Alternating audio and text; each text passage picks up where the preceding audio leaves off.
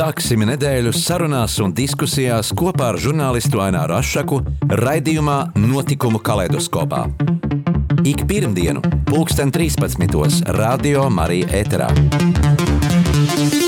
Tiksimies ar amatpersonām, interesantiem cilvēkiem, runāsim par aktuālitātēm un ikdienišķām lietām. Gaidīsim arī klausītāju jautājumus Radio Marija studijas viesiem. Ik pirmdienu, pulksten 13. raidījumā Notikumu kaleidoskopā.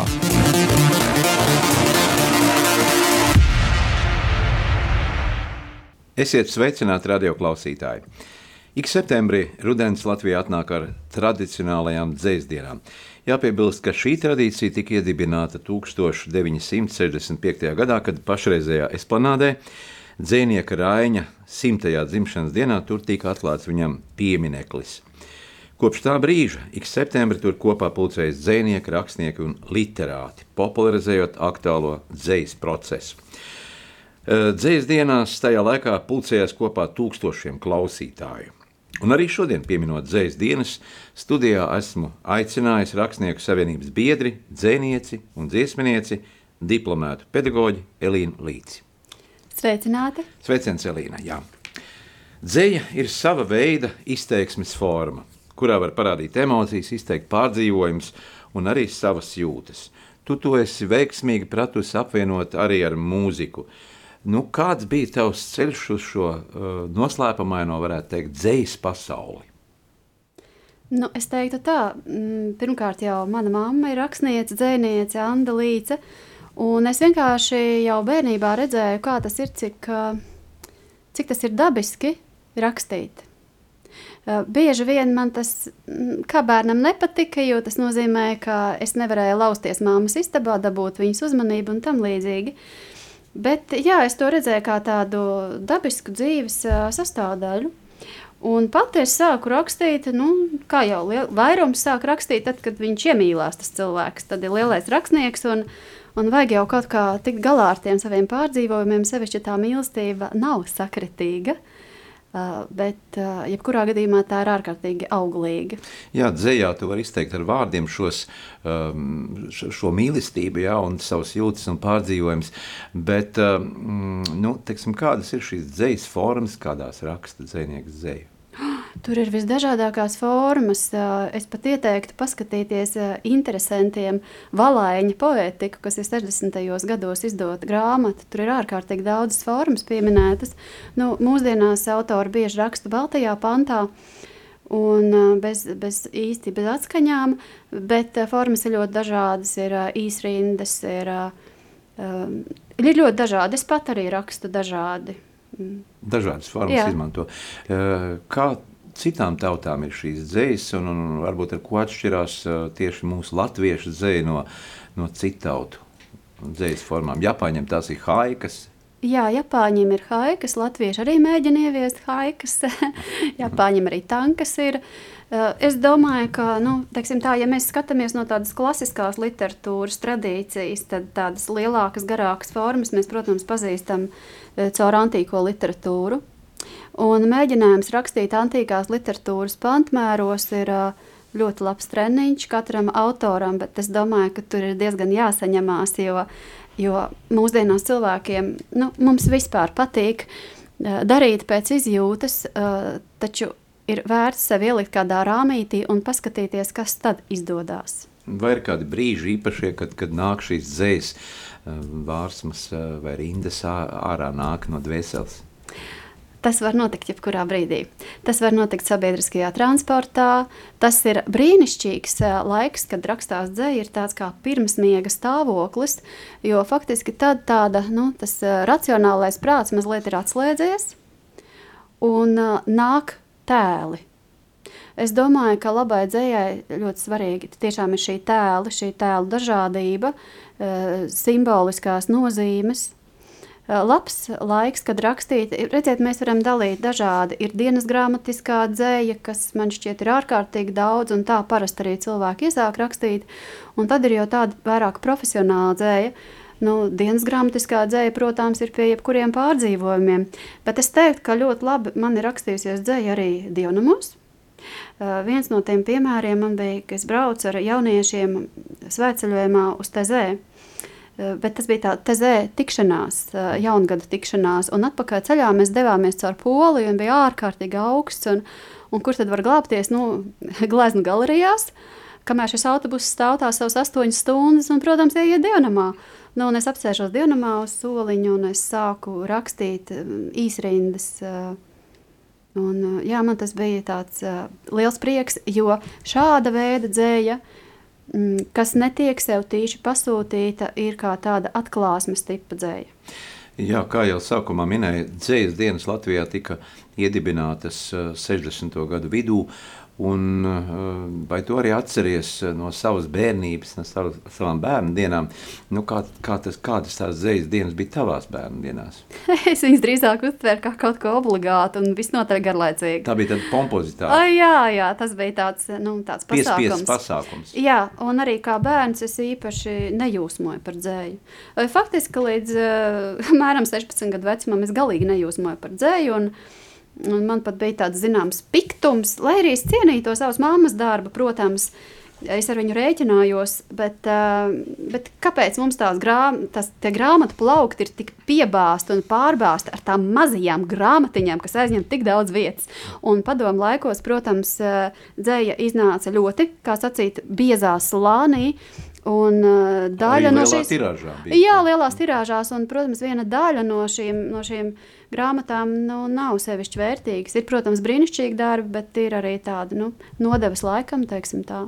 Bet ar māmu arī kādreiz runājis par to, kā viņa iesāka rakstīt šo dzēju, un, un kas bija par impulsu, ka viņa tieši pievērsās dzējas lietai.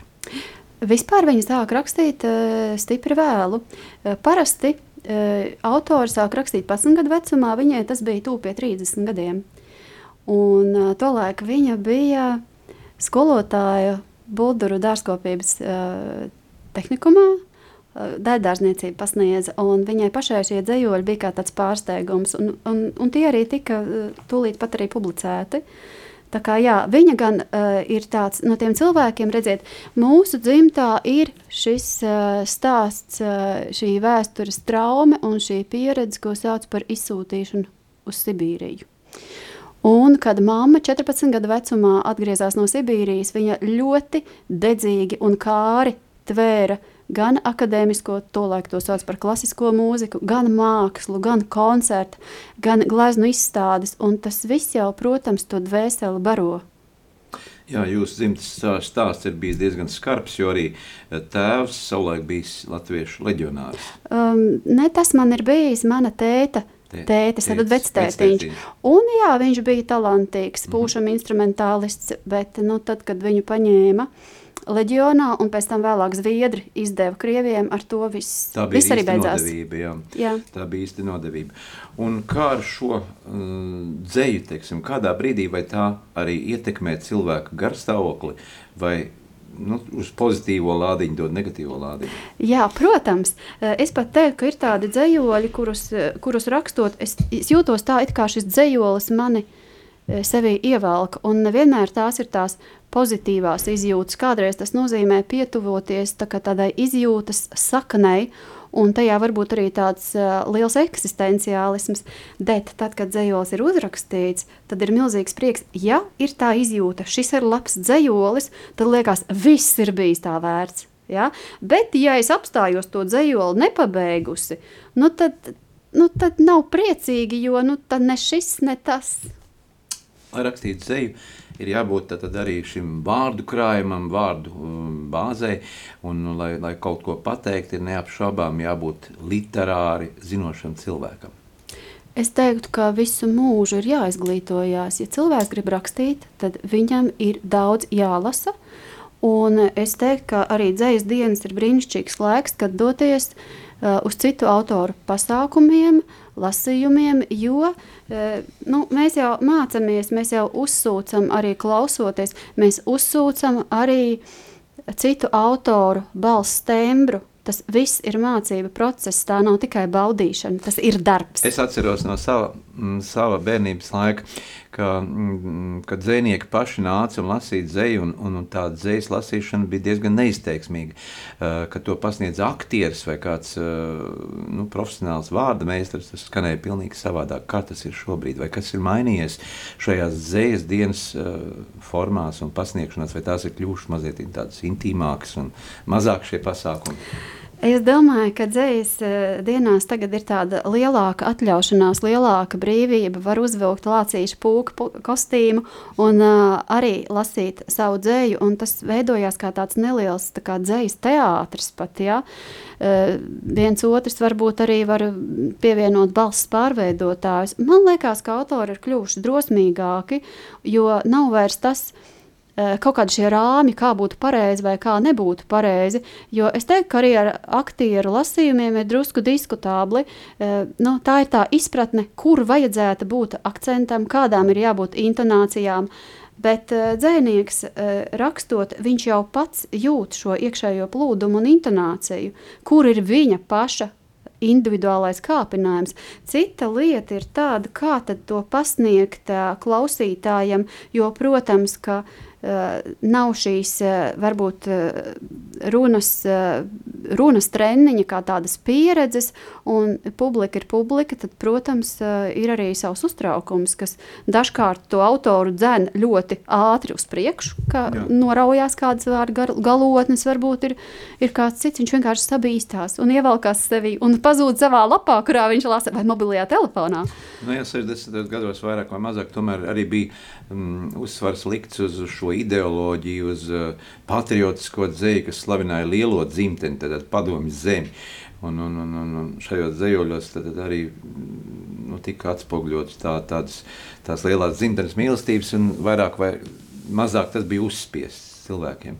Šobrīd tas ir dzēja nāk no sirds, un iet uz sirdi. Tātad tā ir tāda dvēseles atklāsme. Es gan teiktu, ka bieži man šķiet, ka dzēja arī tiek rakstīta no prāta. Tā man nav tā tuvākā dzēja, bet runājot par patriotiskumu, tad man šķiet, ka šobrīd patriotisms dzējās arosās tieši caur Ukrainas uh, Notikumiem. drāmu. Mm. Jā, jo redziet, tajā brīdī, kad tiek rakstīts par Ukrajinu, jau neraksta tikai par Ukrajinu. Tas nozīmē pieskarties šīm šausmām, un šīm nervām, un šīm bailēm un līdzcietībai un domāt par sevi. Uh, domāt par sevi kā iespējamo cietēju vai uh, kā saka, asociēt sevi ar šiem cietušajiem. Nākamais tāds interesantais uh, moments, kurā parādās patriotiskums, es lasu diezgan daudz, ir pieskaršanās dzimtu vēsturei, uh, pieskaršanās dzimtai savai dzējā. Tas šobrīd tā kļūst tāds aizvien, es, tā, es vienkārši lasu šos dzējos aizvien vairāk, agrāk es tik bieži šādu dzēju nesastapu. Kā tu domā, vai uz bērnu, teiksim, māksliniecisko ievirzi tomēr arī pastāv kāda vecāku ietekmi, vai tas ir tāds mīts tikai? Es domāju, ka vecāku ietekme pastāv, bet nekas nav absolūts. Nevar teikt, ka bērnu veido tikai vide vai ģenētika. Nu, katram bērnam un katram cilvēkam viņa dzīvē ir paredzēts nodoms, un man šķiet, vai nu viņš šo nodomu kaut kā īsteno, vai arī nu, apiet, varbūt pazūd kādās citās, varbūt pragmatiskās izvēlēs, izdevīguma izvēlēs, teiksim tā. Mm -hmm. Kā dzīvnieks strādā, darbojas, viņam vajadzīga šī mierīgā vide, lai netraucētu tur mobilā tālruņa zvani vai tur atkal bērnu klaigas. Kā viņš sevi distancē no tā visa? Jā, tas ir svarīgi. Es reizēm vislab, labs laiks, kad rakstīt un dzirdēt savas domas, eh, protams, ir būt vienam pašam ar sevi. Un, eh, tad es mēdzu būt viena pati savā istabā, kādreiz no rīta, kādreiz naktī kādreiz vienkārši brīvā dabā. E, jo viens ir rakstīt dzējoli, dzējolis var rakstīties arī, kā jau es teicu, sabiedriskajā transportā, bet vēlāk strādāt ar šo vārdu, attīrīt šos vārdus no liekā, e, jo mēs rakstot arī visu laiku savā veidā trenējamies. Neviens nav tapis gatavs dzēnieks, tagad viņš ir 20 gadu dzēnieks un, un viņš var tā vienkārši kā viņš raksta, tā nu tagad ir izcili. Protams, ka ir atsevišķi dzējoļi, kuri nāk, kur nekas nav pielabojams, nekas nav maināms, bet tādi nekad nav vairumā. Tad tu uzraksti to dzējoli, un pēc tam tomēr ir šie labojumi. Protams, es eju daudz kārt cauri. Ja man kaut kas nepārliecina, mēdz būt, ka es dzējolis esmu atlikusi pat uz vairākiem gadiem, lai dabūtu pietiekami lielu distanci starp savu personisko pārdzīvojumu un teksta kvalitāti. Pastāv arī tāds termins pasūtījumu dzēja, vai arī tādu dzēju var veikt var veikt eh, ļoti interesanta akcija. Nu, jau vairākus gadus notiek Facebook. Eh, ir tāda eh, doma biedru grupa, kur katrs var rakstošais arī pievienoties ar nosaukumu Zējas Rupors. Nu, lūk, un tad ir septiņu dienu maratons kurā ir katru dienu jāuzraksta kāds dzējolis. Man ārkārtīgi patika šis gads, jo, jo tika doti konkrēti uzdevumi. Un es konstatēju, ka jā, sākumā tas ir grūti, un uzsākt dzējoli ir grūti, bet var sevi iešūpot dzējolī, un tad izrādās, ka nāk ārā kaut kas tāds, ko es nebiju gaidījusi. Mm -hmm. Jā, šobrīd mūsu varas un politiskās nostādnes ir diezgan arī tādas eh, nu, bargas attiecībā pret mūsu valodu. Ja? Mēs pastāvam uz to, ka latviešu valodai ir jābūt vienīgajai valsts valodai. Uh, un cits nevar būt, jo mēs pamazām iznīkstam. Nesen dzirdēju tādu, mm, tādu, tādu, tādu raidījumu, kur tika stāstīts, ka latviešu jaunieši savā starpā sarunājas angliski un pat domā angliski. Un, kad viņiem pajautā, kā tā, viņi saka, jā, mēs pat to nejūtam, to pārēju kad mēs eh, sarunājamies latviešu un sarunājamies angliski. Un tie ir jaunieši, kas dzīvo nevis Anglijā vai citur ārpus Latvijas, bet tieši šeit. Jā, nu, tā noteikti nav nekāda jaukā tendence, e, jo atkal teikšu tā, lai labi rakstītu, ja mēs ejam no rakstītāja pozīcijas, ir ļoti labi jāpārvalda savu valodu. Reizēm ir tā, ka jauni cilvēki jau ievieto šīs angliskās konstrukcijas it kā latviskā dzējā, un var just, ka tas tā kā spriežās kaklā, un uh, man tas reizēm pat rada tādu kā vieglu aizkaitinājumu sajūtu, jo es redzu, ka tas ir paņemts no kaut kurienes citurienes. Un, protams, ka ir labi zināt, veiksmīgi orientēties dažādās valodās, brīvi tās lietot, bet man ir tāda pārliecība, ka to savu valodu Eh, var mācīties visu mūžu. Eh, tam ir sinonīma vārnīcas, piemēram. Man, man tas bija pārsteigums ap 2000. gadu. Man māma uzdāvināja sinonīmu vārnīcu. Un pagāja kāds laiks, un es atkal viņu sāku šķirstīt. Man bija uh, liels pārsteigums par tām garšīgajām valodas lietām, kas tur ir, par tiem vārdiem, par tiem īpatnējām piegaršām. Un, ja mēs skatāmies, kā mēs ikdienā runājam, tā nav sevišķi bagātīga valoda. Pārstrā tā ir diezgan nabadzīga valoda, kurā ienāk e, dažādi aizņēmumi. Latvieši ir bagāti ar savām tautas dziesmām, ar tautas dainām. Uh, jau izsmeļas, ja tad, tad šie e, salikumi, šīs tautas dziesmas, arī šodien veidojas tāda tautas dziesma, kas varētu raksturot esošo laika posmu nākotnes skatījumā. Nu, to es laikam nemācīšu teikt. Par to es nezinu. Tur jau jārunā ar literatūras zinātniekiem. Jā. Jā, es domāju, ir pienācis laiks arī paklausīties uh, tavu studijas ierakstu, jo, jo kā jau sākumā minēju, mm, gan muzicē, gan arī raksti dzēju. Tātad, uh, kas būs šis skaņdarbs? Jā, nu, kā jau mēs pieskārāmies tā latviešu valodas nozīmībai, tad pirmā dziesma ir uh, dziesma aizupītas meita dzieda. Es to savulaik rakstīju, atgriezusies no grupas mēģinājuma, un grupa Baobabs atgriezusies mājās naktī pēc mēģinājuma un sākus, sākot mazgāt drēbes. Un man pašai ārkārtīgi patika, e, ka šī dziesma e, veidojās tādā kā tautas dziesmas stilistikā, bet tie ir mani vārdi. un e, brīžiem ārkārtīgi līdzīgi tautas dziesmai. Atgādinām, ka šodienas studijā mm, mēs sarunājamies ar dzēnieci un dziesmnieci Elīnu Līci un klausāmies viņas izpildījumā skaņdarbu.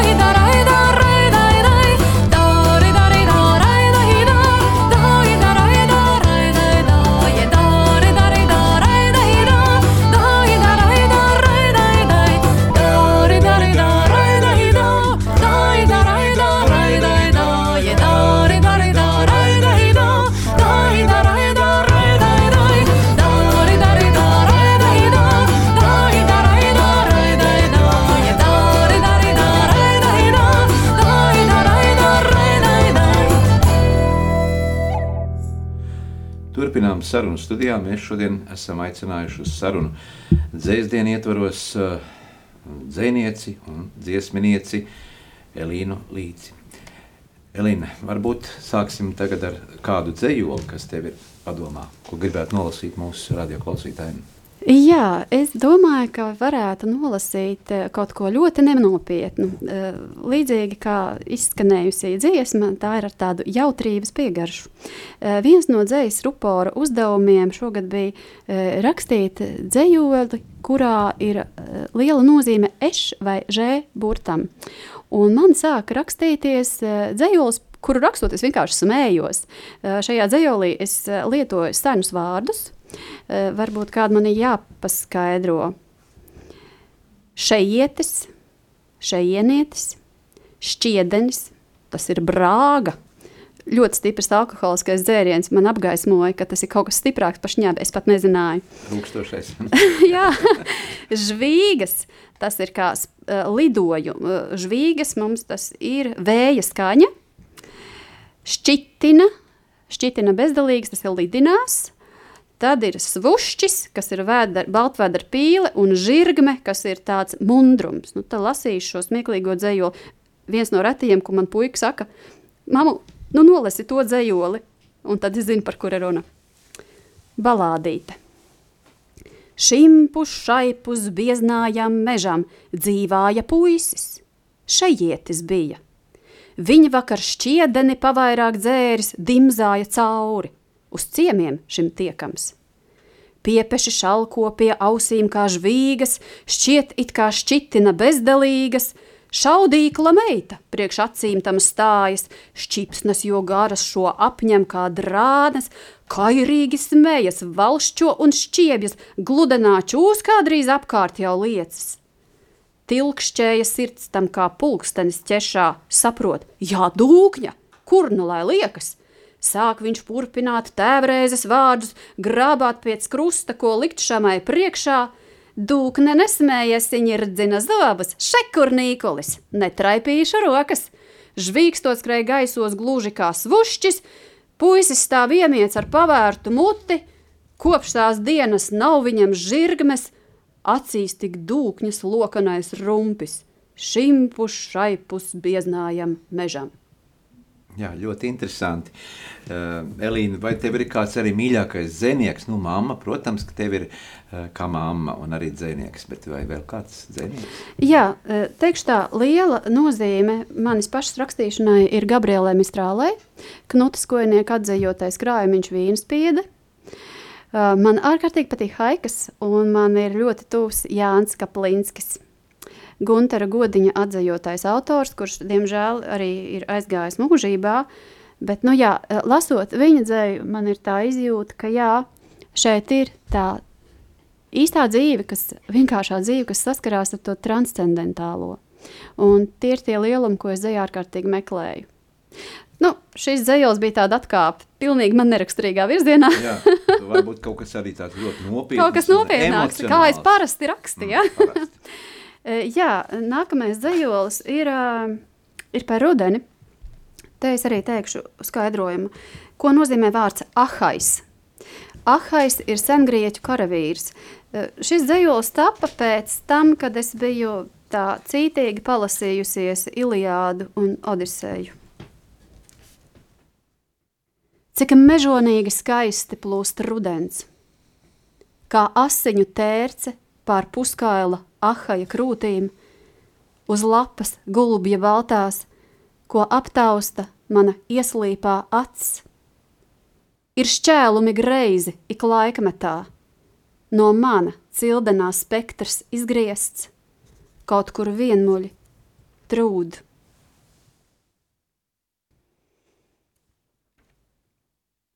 Nākamais dzējolis ir radies skatoties uz vairāk kā 20 gadu vecu kalendāru, ko es pieliku virtuvē pie sienas. Un šajā kalendārā bija attēlots uh, mākslas darbs, proti, zelta putns, kas ir uh, pirms Kolumba laika pirmie dzīvotāju veikums. Es gribu pāriet zelta putnā, kas Kolumbijas cilšu rokās vīz. Tās rokas sen jau sairušas smiltīs, un atracējiem gruži acīs birst un iekrāso ar sārtu gaismu.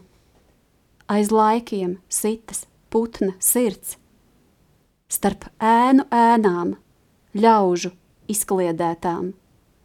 Šis veidols, kurā iespiests dieva pirksts.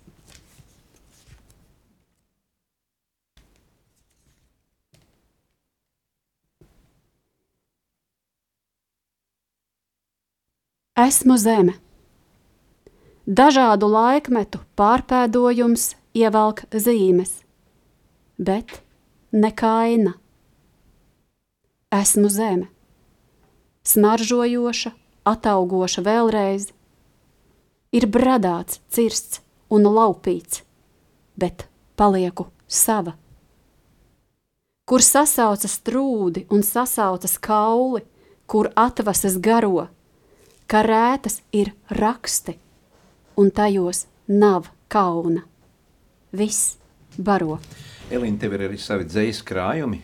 O, jā, man ir divi krājumi, un es ļoti ceru, ka trešais arī ieraudzīs dienas gaismu. Mums pirmais krājums ir kopā ar māmu, tik tuvu pie tas man kaut kā šoreiz nav paņēmies līdzi. Bet 18. gadā iznāca arī dzīslis krājums ar nosaukumu Redzu. Tas man ir ārkārtīgi svarīgs, nozīmīgs krājums. Es faktiski man bija tāda sajūta, ka caur šo krājumu es piesaku pasaulē, es esmu. Un tajā ir jā, diezgan daudzu gadu darbu apkopojums, ļoti man šķiet dažāds tēmas, ir, kur ir folkloras motīvi, kur ir kristietības motīvi, kur ir bērni, kur ir mīlestība. Varbūt pat drīzāk tieksme un augsme pēc mīlestības. Elīna, tu esi arī divu dēlu mamma, eh, vai eh, skolas literatūrā, nu, iepazīstot arī, sekojot bērnu skolas gaitām, ir izdevies uh, iepazīties, ko tad šodien skolā kādas ir programmas literatūrā? Pasniedz? Nu, teikšu atklāti, es tam sevišķi nesakoju līdzi. Es kaut kā vēlos paļauties uz to, kas tajā visā ir iekšā. Protams, man pa laikam ir bērni nesuši kādus dzējojus mājās, kas ir jāiemācās, un man šie dzējoļi ir patikuši un likušies ļoti piemērot bērnam. Atmiņas trenēšanai, ja? Jā, brīnišķīgi, bet arī ne tikai atmiņas trenēšanai. E, tie pārstrā ir tādi dzējoļi, kuros ir tāda mīļuma klātiene, kas man šķiet ārkārtīgi svarīgi, jo ja mēs skatāmies šobrīd apkārt, kas tad bērnos uh, tiek aktivēts, teiksim, caur datorspēlēm, telefoniem, ir ļoti daudz varmācības. Man patīk šīs tautas dziesmas un uh, dzējoļi uh, par, par māmiņu. Agrāk bija par, par, par, par dabu skaisti. Jā. Mana mīļa māmuliņa mani skaisti audzināja. Pati māte dublis brīda mani cēla saulītē. Nu, skaisti pateikt vārdi. Jā. Šiem vārdiem var uh, cilvēku nomierināt, var satraukt, var arī raisīt dažādas citas emocijas. Jā, jā. Man, protams, arī ir dzējoļi par bērniem, bet, zinu, kā es domāju, varbūt mēs varētu tagad uzlikt uh, nākamo dziesmu, šūpuļu dziesmu. Uh, dziesmu pēc dažām minūtēm, bet studijā tev ir tāds instruments, ah, jā. Galva. Varbūt uh, pastāst par šo uh, koka stabulīti tā ir, jā. Mums klausītāji to neredz, bet, uh, bet noteikti dzirdēs, un ko ar tādu stabulu? Es teiktu tā, um, ka stabula, es to uztveru kā tādu savu otro balsi. Mani tiešām saista stabule kā instruments, kas neprot melot. Redziet, ja mūziķis spēlē uz klavierēm, viņš tur var būt ārkārtīgi liels virtuos, un tāpat ir arī ar citiem instrumentiem. Bet ar stabuli ir tā, ko tu viņā iepūt. Tā arī būs. Tā arī būs. Un, um, jā, no vienas puses ļoti vienkāršs instruments, no otras puses savā ziņā prasīgs, jo uh, izējot ar stabulu, kaut kādā ziņā iziet tāds ļoti kails pie tā klausītāja, bet faktiski ar dzēju arī ir tā, ja vien tas nav kā pirmais joku dzējos, tad, tad tu esi diezgan pliks viņu priekšā. Un man tas liekas ārkārtīgi svarīgi un svētīgi, jo tas ir kā tāda sarokošanās. Es zinu, kas ir kailums, un es padodu roku tavam kailumam, un tur mēs arī satiekamies. Nu, klausamies tavā izpildījumā. Es gribētu jā, nospēlēt vienu mazu dziesmu. Šī dziesma nākusi no Ziemeļamerikas, no Kanādas. Un, un savā ziņā varētu teikt, ka tā ir tāda mīlestības dziesma savai zemē. Un es šajā melodijā saklausu arī tādas pirmiedzīvotāju nokrāsas, un tieši tāpēc es viņu izvēlējos. Klausamies!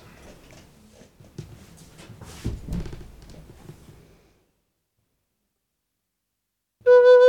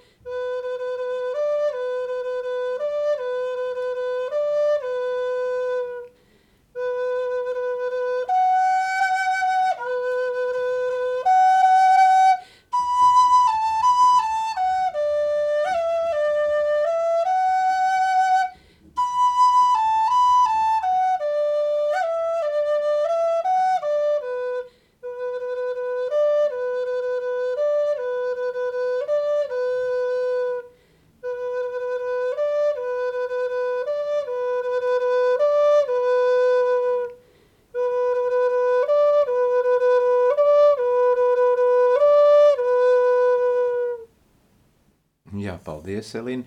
Tad, tad, tas ir tāds solo instruments, un uh, stabulītē nekad nebūs akordi, bet tas ir solo instruments. Jā.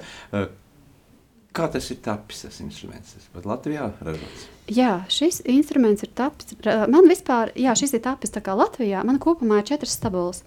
Uh, jaunākā stabula man atceļoja no Amerikas, uh, kas ir navahu roku darbs, uh, proti indiāņu uh, liela, liela cilts. Ar ļoti skaistu kultūru. Uh, Un, uh, to es uh, tikko esmu sākusi spēlēt. Šī stabula ir nākusi no Krāslavas, un uh, to ir pagatavojis Aleksandrs Mājers. Ar Aleksandru Mājeru arī ļoti interesanti satikšanās. Es faktiski ar viņu satikos pirmkārt caur mūziku.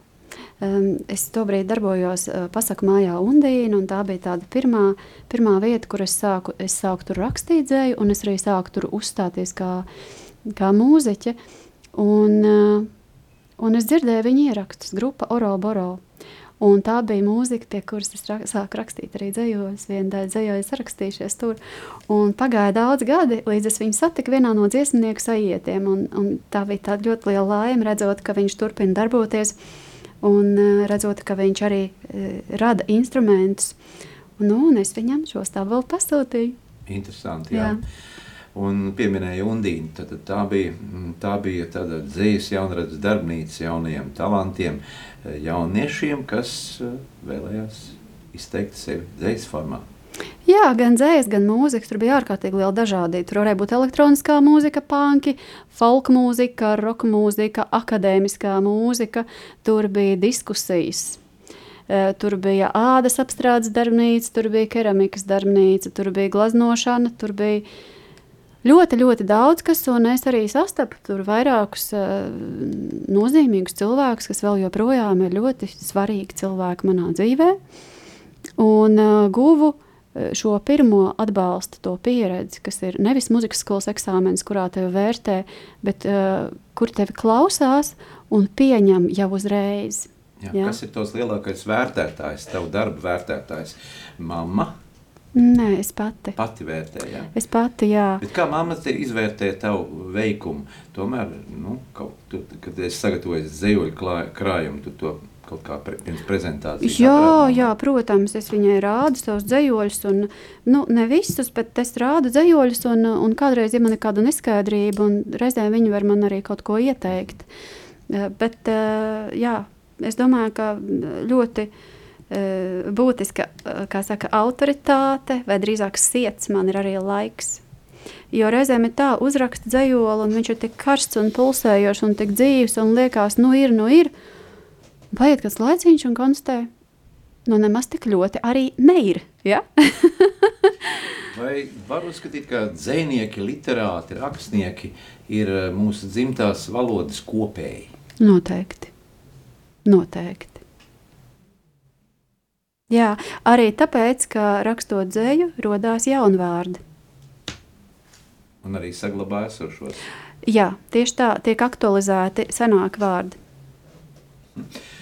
Atkal pienācis laiks ir klausīties uh, mūziku, un tad, tad kas būs šis skaņdarbs otrais, ko mēs Nu, tas uh, skaņdarbs būs uh, šūpuļdziesma. Šūpuļdziesma, ko es ierakstīju pie Leonas Ejāna studijā, un tur ir jau cits domu biedru sastāvs, un uh, arī man šķiet ļoti veiksmīgs videoklips izdevās. Jā, tā ir dziesma, kurā iemiesojās uh, mīlestība uz uh, bērniņu. Uh, atgādinu mūsu klausītājiem, ka šodien mūsu studijā viesojas dziesminiece un dzēniece Elīna Līce. Un klausamies tavā izpildījumā šo skaņdarbu šūpuļdziesmu.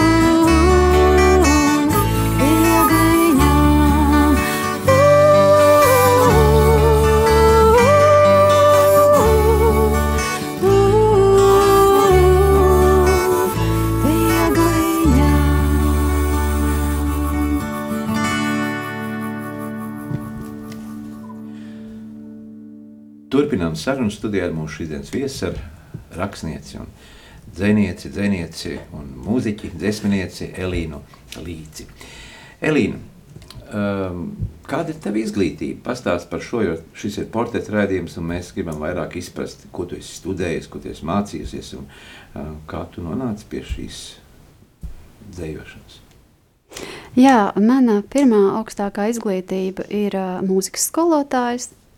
Jāsaka, ka es ilgi gan nestrādāju kā mūzikas skolotājs. Ja runa par vispār izglītošām skolām, tas bija tikai viens gads. Uh, Es esmu uh, studējusi, un man ir maģistra grāts mūzikas terapijā, savulaik Liepājā. Tā bija ārkārtīgi būtiska manas dzīves pieredze, kas arī kādas dzīves krīzes situācijās, manas personiskās dzīves krīzes situācijās, eh, deva to apjausmu un taciņas, eh, kur var iet, pie kā var griezties, kas ir palīdzoši Piemēram, dejas terapija. Absolūti brīnišķīgs virziens Latvijā. Kas attiecās uz dzēju, tad jā, es esmu gājusi caur jaunu autoru semināru. Pirms daudziem gadiem es iesniedzu savu dzēju kopu, un tā tika vērtēta. Esmu arī apmeklējusi Literārās akadēmijas meistardarbnīcas. Tas ir Rakstnieku savienības projekts un Rakstnieku savienība un filoloģijas fakultāte to organizē. Un, jā, un, un vairāk kārtīgi esmu gājusi šim procesam cauri. Skatoties tagadējā programmā, es redzu, ka tā ir kļuvusi aizvien bagātāka, tik bagātīga, ka man gribētos pieteikt, gan, pieteikties faktiski vēl vienu reizi, jā, jo tas ir kolosāls treniņš. Nu, jā, tāda ir mana izglītība. Tad ir kāda valoda kursa, teiksim, es maz, mazliet esmu pamācījusies zviedru valodu. Un tad es tā manīju, ka ir pagājuši vairāk gadu, un pēkšņi man parādās dzējos ar zviedru valodas elementiem. Dzēnieki arī mēdz tulkot. Nav bijis tāda interese par to. Es par to šobrīd domāju, bet es neesmu saņēmusies to darīt. Jā. Man ir tāda sajūta, ka pašai ir ārkārtīgi daudz vēl tā jēla materiāla, es domāju, dzējoļu jēla materiālu, kuru gribētu uz kaut kā apvākt, savākt, sakopt. Jā. Mūzika. Kādas ir tavas attiecības ar Dievu mūzikā? Dzēju. Nu, es teiktu, tā viens no izpausmes formām ir tāds, ka es jūtu dziļu pateicību par katru dziesmu, kas pie manis atnāk. Un pirms es dodos pie klausītājiem, es aizvien aicinu tajā dievu kā klātesamību, lai šī dievišķā svētība, bagātība, skaistums, lai tas var caur mani izpausties. Jā. Tu esi piedzīvojis šos dievu mm, klātbūtnes mirkļus. Jā, ļoti spēcīgi. Un kādreiz es arī pārmetums izteikšu. Protams, esmu. Es gāju pa lauku ceļu un es kliedu uz Dievu, kā tu šito pieļāvi. Es taču tev lūdzu, lai tā nenotiek. Ja? tā ir bijis. Bet, kā saka, Dievs saprot. Un, Dievs un ja cilvēks mēs būtu ļaunatmenīgs, tad Dievā šī sīkumainība nav. Ja? Viņš saprot šo kliedzošo, ja? varbūt izmisušo bērnu vai cilvēku, kurš meklē ceļu un kuram kaut kur būtu jāizliek sava sāpe. Ja? Vai šajā, Dievs absorbē. Vai jā. šajā pasaulē nav daudz arī pārāk ļaunumu? Ja? Tad mēs jau minējām šo Ukraiņas karu un notikums pasaulē, kas ir mm, politisko varu mm, safabricēts tieši uh, šis ļaunums. Jā. Kā to varētu apslāpēt? Kā to, kā to dzēnieks apslāpēt, ja varētu? Es nezinu, kā var dzēnieks apslāpēt. Es zinu, ka es esmu rakstījis Ukraiņas ciklus pāris Un šobrīd ir tā izjūta, ka es vairs nespēju tajās sāpēs ieskatīties, ka tā viss ir pa daudz jau.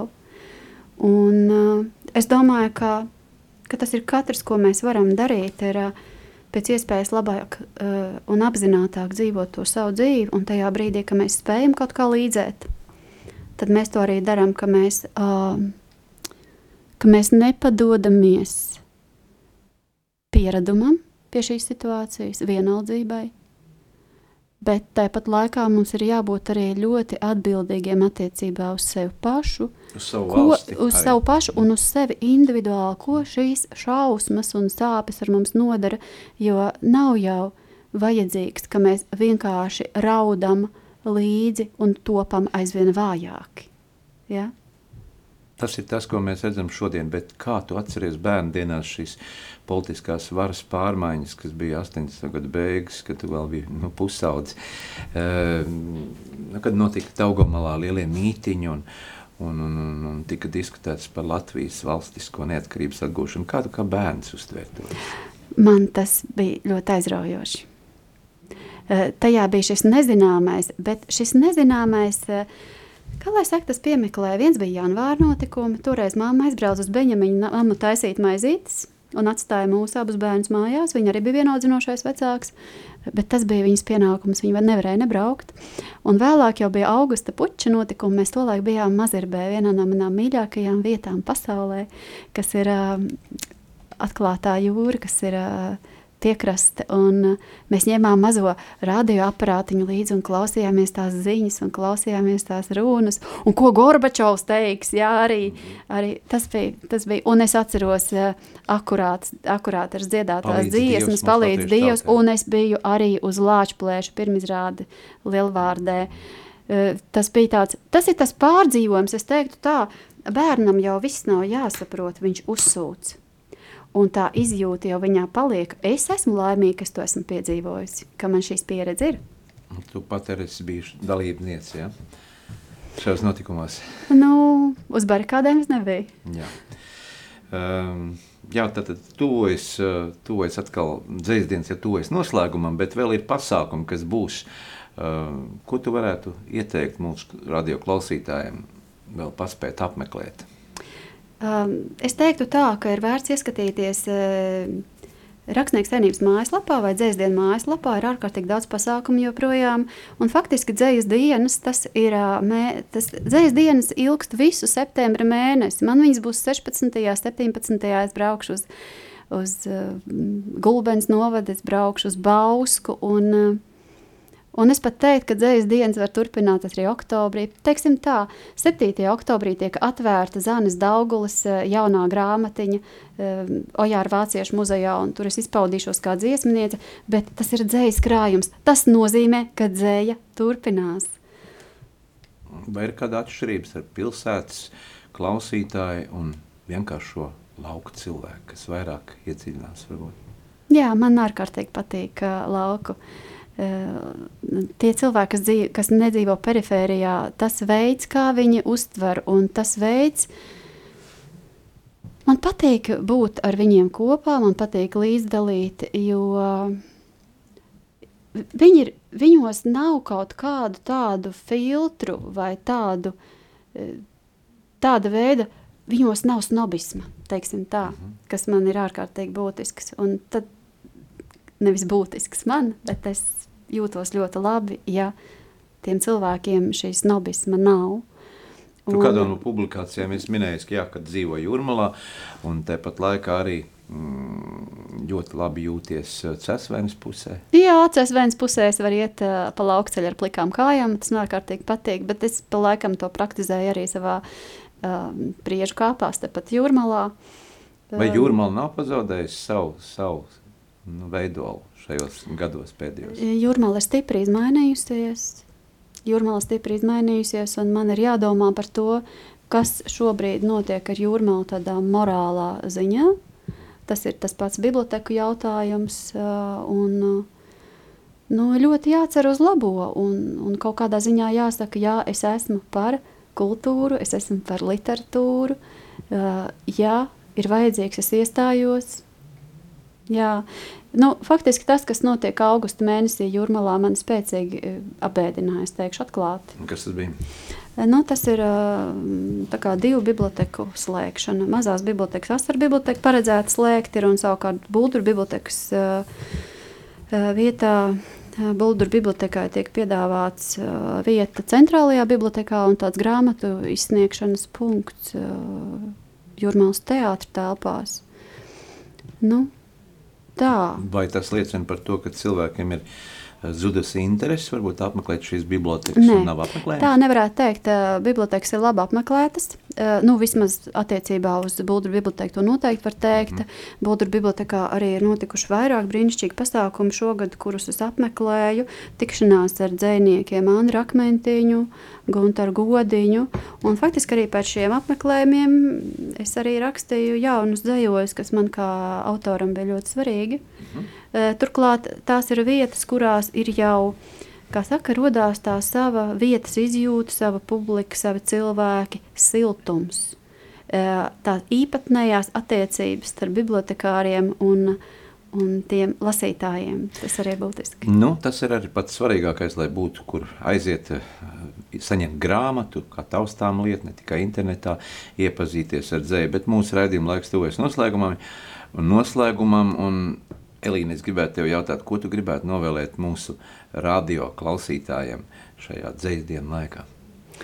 Es vēlu jums eh, drosmi, drosmi, kas ir vajadzīga katrā dzīves brīdī, un tādu atvērību, kas tam, ko jūs ieraugat, to, ko jūs sastopat savā ceļā, es vēlu ieraudzīt uh, notikumos un jūsos pašos uh, labo, un es jums vēlu alkas pēc dziļuma. Paldies arī par šo iespēju tikties, parunāt par dzēju, par vārdu, par vārdu spēku. Un grib, gribētos novēlēt, lai tev arī vēl daudz uh, būtu dzīslis krājumi, daudz jaukas idejas, un lai dzīvoļi piepilda mūsu klausītāju sirdis. Paldies! Atgādinu mūsu klausītājiem, ka šodien studijā mūsu viesojās uh, Elīna Līce, dziesminiece un dzēniece. Paldies! Paldies. Sāksim nedēļu sarunās un diskusijās kopā ar žurnālistu Aināru Rošu raidījumā Notikumu kaleidoskopā. Ik pirmdienu, 2013. Radio Marija Eterā. Tiksimies ar amatpersonām, interesantiem cilvēkiem, runāsim par aktuālitātēm un ikdienišķām lietām. Gaidīsim arī klausītāju jautājumus Radio Marija studijas viesiem. Ik pirmdienu, 2013. raidījumā Notikumu kaleidoskopā.